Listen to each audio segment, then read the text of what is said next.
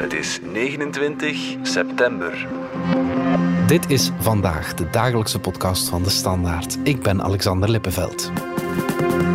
Kernreactor Doel 3 is nu een week dicht, zoals vastgelegd in de wet op de kernuitstap. Maar de sluiting heeft toch weer heel wat voeten in de aarde gehad, met politieke discussies die, achteraf gezien, nergens over gingen. Hoe zit het nu met de sluiting van onze andere kernreactoren en hoe komt de minister van Energie, Tine van der Straten, uit deze moeilijke kwestie?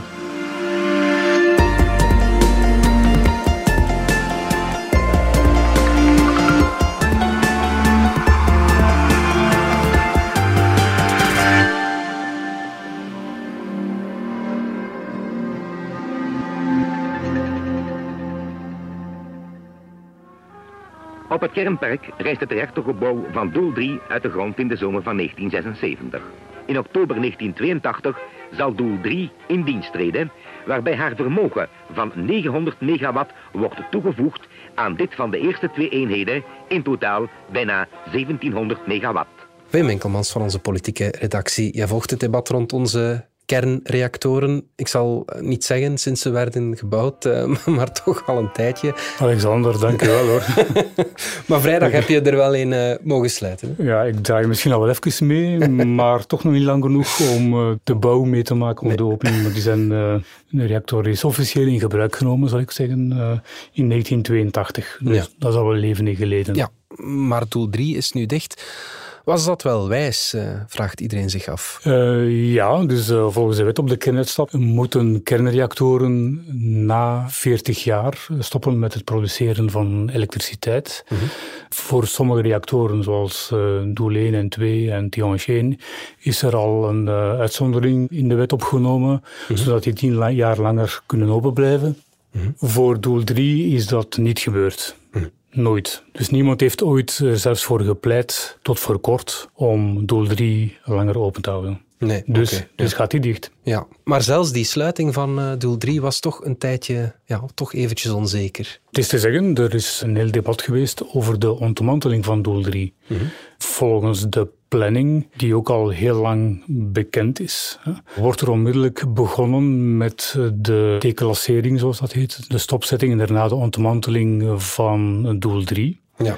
En plots, vorige week, is dat nieuws geworden van, oh, doel 3 zal onherstelbaar uh, beschadigd worden, zal nooit meer in gebruik genomen kunnen worden. Ja. ja, men had dat eigenlijk al heel lang moeten weten. Voilà. Ja, ja, ja. Al sinds die wet op de kernuitstap eigenlijk, of niet? Ja, uh, ja, en dus waarom doe je dat? Uh, waarom wil je niet dat een doel 3 onherstelbaar wordt beschadigd door een zogenaamde chemische uh, ontsmetting? Mm -hmm. Dat is toch alleen maar omdat je vroeg of laat die reactor opnieuw aan de praat wil krijgen. Wel nu, daar is niets voor gebeurd. Er bestaat geen enkel dossier voor. Dus dit nu voorstellen op, toen was het een, een dikke week voor de sluiting van de reactor, dat is niet, niet ernstig te nemen. Nee, op geen enkele manier. Ja. Er werd op de dag van de sluiting betoogd tegen die sluiting, onder meer door een grote N-VA-delegatie. We luisteren even naar een campagnefilmpje van de partij met haar energiespecialist Ben Wollands. Maar iedereen voelt dat met de oorlog in Oekraïne en de energieafhankelijkheid die we hebben opgebouwd met het buitenland, dat je eigenlijk moet proberen zoveel mogelijk zelf te blijven produceren. En ja, in dat kader is het sluiten van een kernreactor natuurlijk uh, geen verstandige zaak, want je wordt afhankelijker van gas uit het buitenland om nog altijd de elektriciteit te gaan produceren. Dus in de huidige context heel bizar. Ja, de perceptie rond kernenergie is gedraaid. Hmm.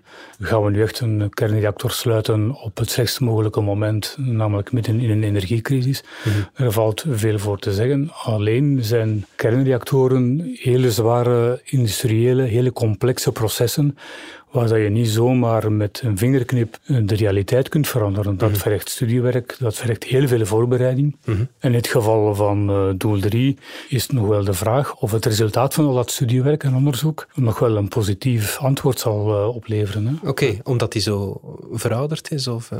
Wel, uh, u kent de bijnaam uh, van doel 3. Ja. De bijnaam is Scheurtjes, Centraal. Centraal. Ja, ja, voilà.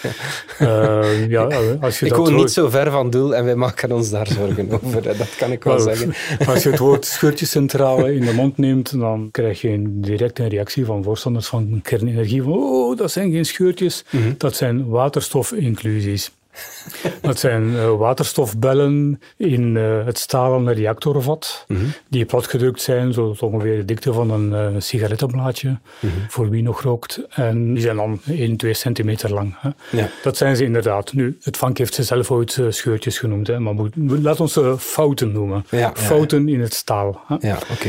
Toen die werden ontdekt, dat was in 2012, zijn die reactoren want het gaat niet alleen over doel 3, het gaat ook over Tihange 2. Uh -huh. Lange tijd uh, buiten strijd geweest, tot twee maal toe om onderzoek te doen, om te kijken of dat staal nog wel uh, stevig genoeg was, om te kijken of dat uh, die waterstofbellen niet het gevolg waren van de werking van de reactor, wat echt verontrustend zou zijn. Ja. Om te kijken of dat die scheurtjes niet uitbreiden, wat nog meer verontrustend zou zijn. Ja.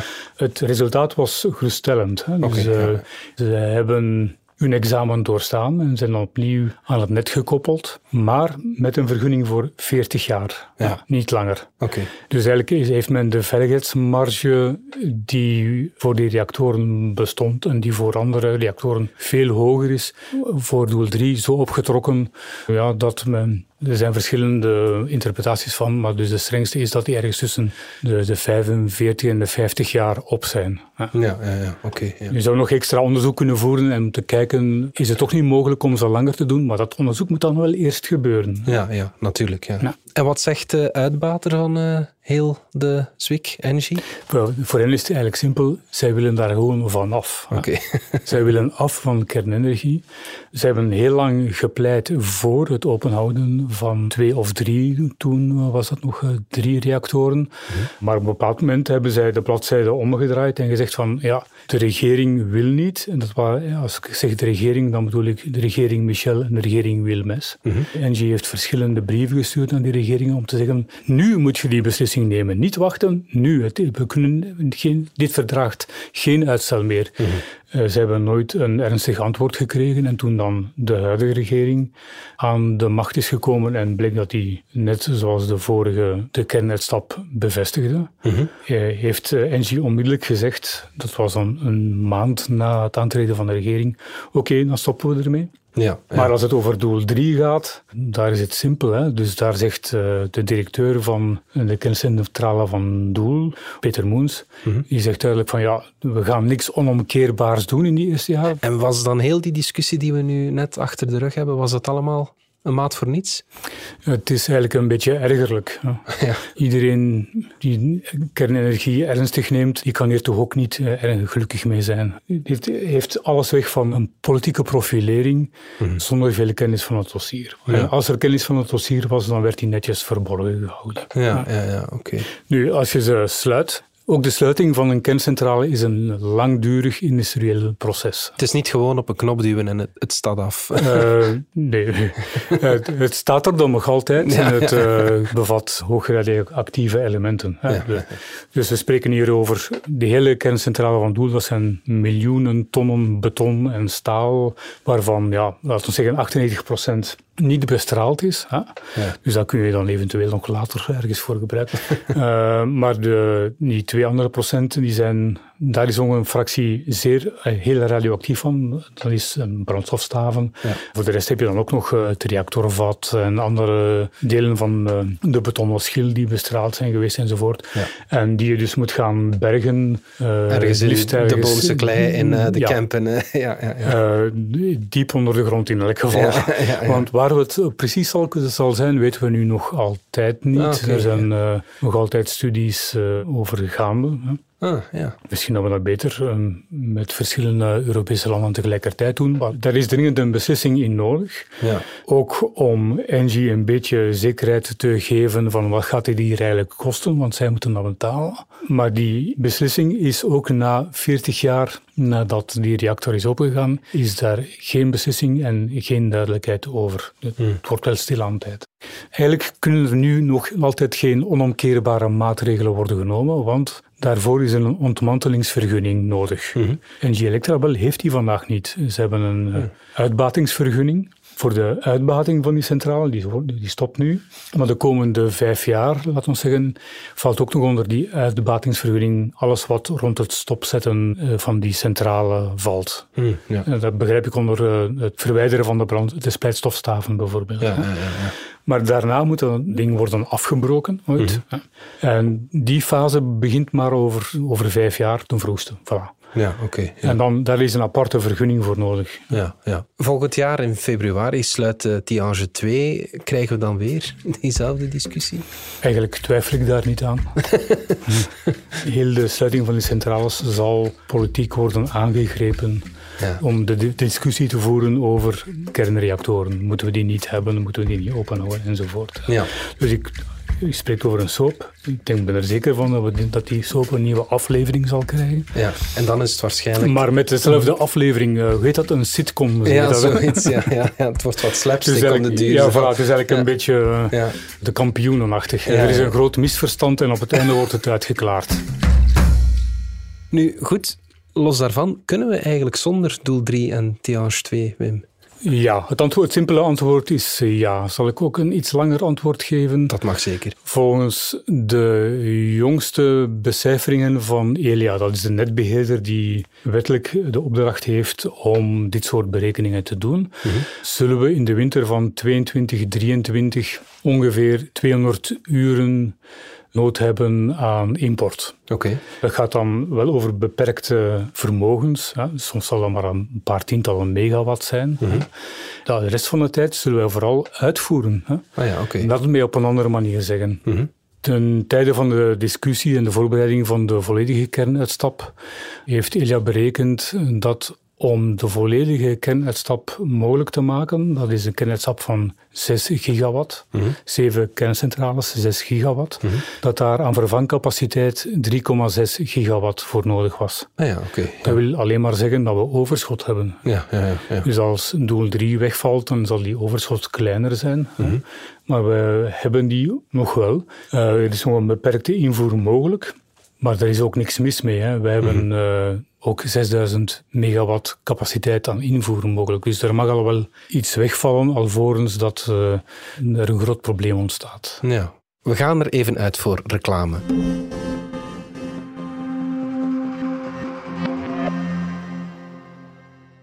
Ja, zaterdag is er een nieuwe aflevering van onze cultuurpodcast Radar. we gaan het hebben over de vraag hoe het komt dat als je soms uh, nieuwe muziek luistert, dat die niet altijd zo nieuw klinkt. Je zal het wel herkennen dat je je radio aanzet en je hoort een melodie die je eigenlijk nog niet direct kan thuisbrengen, maar je hebt die ooit al eens gehoord. Die zat in een ander nummer. En welk nummer dan? En zijn de goede melodieën dan op misschien? Moeten we ze allemaal in het verleden gaan halen? En dat trucje heeft zelfs een naam en het is interpolatie. Ik weet het, geen sexy naam, maar wel razend interessant. Dus ik zou maar luisteren als ik u was. Zaterdag naar Radar. Radar.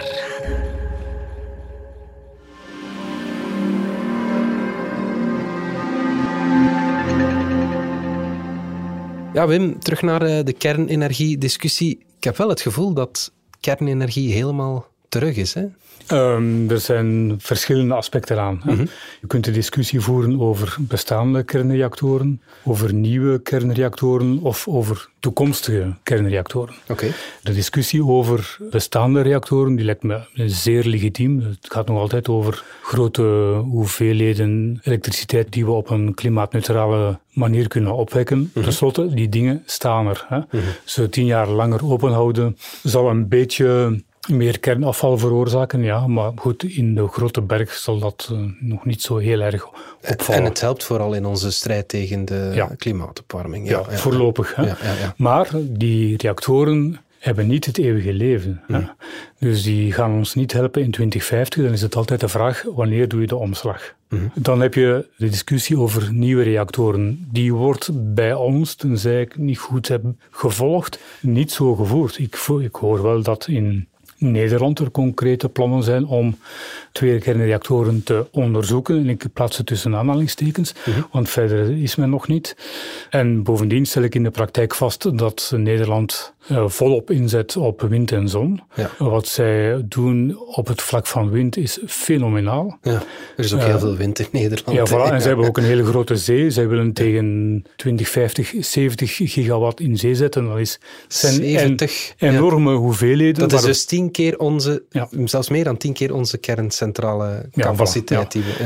Capaciteit. Maar goed, eh, de elektriciteit die die produceren zal wel minder zijn dan bij een kernreactor. Okay, in elk geval, dat is zoveel dat ik mij afvraag, wat gaan ze dan nog met die twee reactoren doen? Ja. Mijn vrees is dat Nederland al die elektriciteit zal gebruiken om industrie te lokken. Ja. Bij ons kun je groene elektriciteit krijgen, kun je groene waterstof krijgen en dat ga je bij die domme Belgen niet vinden. Ja. Dus dat is mijn, mijn vrees bij de Nederlandse plannen. Mhm. Goed, dat is Nederland. Er is nog een ander land dat uh, heel erg bezig is met de planning van de nieuwe kernreactoren, dat is Frankrijk. Ja. Daar is de situatie anders. EDF eh, e leeft uh, van kernenergie op dit moment. En het is voor mij duidelijk dat de Franse president Macron dat die, die industrie in leven wil houden. Hij heeft ook helemaal opnieuw in eigen handen genomen. Daar is ook niet zo taboe op kernenergie dat bijvoorbeeld wel ja, in Duitsland leeft. Hè? Ja, in, Duitsland heeft dat wel een beetje ingetrokken, dat taboe. Mm zouden twee reactoren zogenaamd stand-by. Ik wil nog wel eens zien wat dat concreet wil zeggen, want de directeur van een van de betrokken centrales heeft gezegd dat dat technisch gewoon niet mogelijk is. Dus uh, ik vrees wel een beetje dat ook dat ook maar voor de galerij is. Ja. En twee reactoren voor, voor een land van 80 miljoen Ja, maar alle beetjes helpen, Alexander. Ja, ja, zeker in Duitsland kunnen ze alle beetjes gebruiken. ja, inderdaad. Ja. Wij hebben ook een plan, hè. Uh, maar dat gaat dan over kernreactoren van een nieuwe generatie, die inherent veilig zijn, die minder uh, radioactief afval produceren enzovoort. Mhm. En die we dan liefst nog in kleine modulaire systemen zouden plaatsen. Ja. Daarmee ze ook SMR, Small Modular Reactor. Ja, ja, ja. Maar dan die je naar gelang de nood kan... Voilà. ja, ja, ja, maar die, kun dan, die zijn dan... Uh, modulairder, die kun je dus de ene na de andere aanzetten naarmate er nood is. Hè. Ja, ja, ja. Maar dan is het de vraag wanneer dat we die gaan hebben. Hè. Want uh, we spreken dan over technologie die nu in een testfase komt, maar dat zijn ook dingen die heel lang duren. Wanneer dat commercieel beschikbaar is, moet er ook nog eens gebouwd worden enzovoort. Ik denk dat we gemakkelijk in 2040 zitten. Ben ik, heb ik ongelijk, des te beter. Hè. Mhm. Maar gaan we dan tot 2040 niks doen? Ja. Kan ook niet natuurlijk. Dat, dat gaat niet. Hè. Dus we, dan gaan we in, intussen andere technologieën gebruiken, uh-huh. zoals wind en zon. Hè. Uh-huh. Als we dat doen, dan verkleinen we de marge voor die nieuwe reactoren. Uh-huh. De vraag is of die ooit nog rendabiliteit gaan hebben. Hè. Ja, die, een bestaansreden eigenlijk. Ja, Of daar een, uh, een, een, business case voor zal bestaan. Ja. En houdt onze groene minister van Energie, Tine van der Straten, in al dat geweld, in al die discussies, haar hoofd wat boven water? Tine van der Straten is zeer goed begonnen uh, met de uitbouw van eh, de CRM. Het mechanisme dat uh, het wegvallen van de toen nog volledige kernuitstap uh, moest opvangen. Eigenlijk waren er hele grote twijfels bij of dat wel zou lukken. Mhm. Zij heeft met haar kennis en haar kabinet er ook onmiddellijk kunnen invliegen en heeft, heeft dat voor elkaar gekregen, wat voor mij nog altijd een Uzara-stukje is. Ja, oké. ja. maar toen is in één keer de wereld helemaal veranderd. Ja, dat kan je wel stellen. Ja, ja. Want dat was een plan dat op gas gebaseerd was. Hè? Ja, ja, ja, ja, ja, Gas en andere capaciteiten, maar goed, voornamelijk gas. Laten we ons daar maar bij, maar bij houden. Ja, ja. Uh, maar toen is, inderdaad, toen is de wereld ontploft, uh, vooral in Oekraïne dan.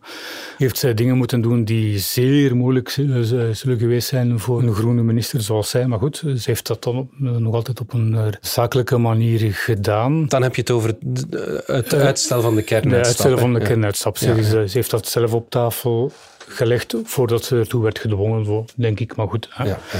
Maar hoe je het ook draait of keert, ze legt het niet altijd even helder uit, hè Wim? Dat wil zeggen dat dit een minister is met een visie en een daadkracht, mhm. maar de communicatie is werkelijk lamentabel soms. Heeft u van mij al een dossier gezien dat technisch gecompliceerd was, dat niet is opgelost geraakt? Soms denk ik dat er een ironie achter zit die niet begrepen is. Dat is nog altijd een zeer moeilijk genre, maar mocht uh, Koen Geens aan de wedstrijd 16 komen aanwandelen en hij zou zeggen kent u één dossier van mij dat niet tot een goed einde is gebracht? Iedereen zou in de lach hebben geschoten, maar bij haar heeft dat gewoon niet gepakt. Ja, ja, ja, oké. En is, dat, is zij daarmee de risée geworden op uh, sociale media? Goed, dat is ook niet moeilijk, want ze, Ja. zij wordt ook uh, specifiek geviseerd. Hè? Dus daar moet je ook niet flauw over doen. Mhm. Haar zwakte communicatie wordt misbruikt, Mhm. politiek, om heel groen in een slecht daglicht te plaatsen. Ja, ja, ja. Dat is iets waar ze bij Groen zelf ook wel uh, zorgen om, om hebben, begrijp ik. Ja, ja, ja.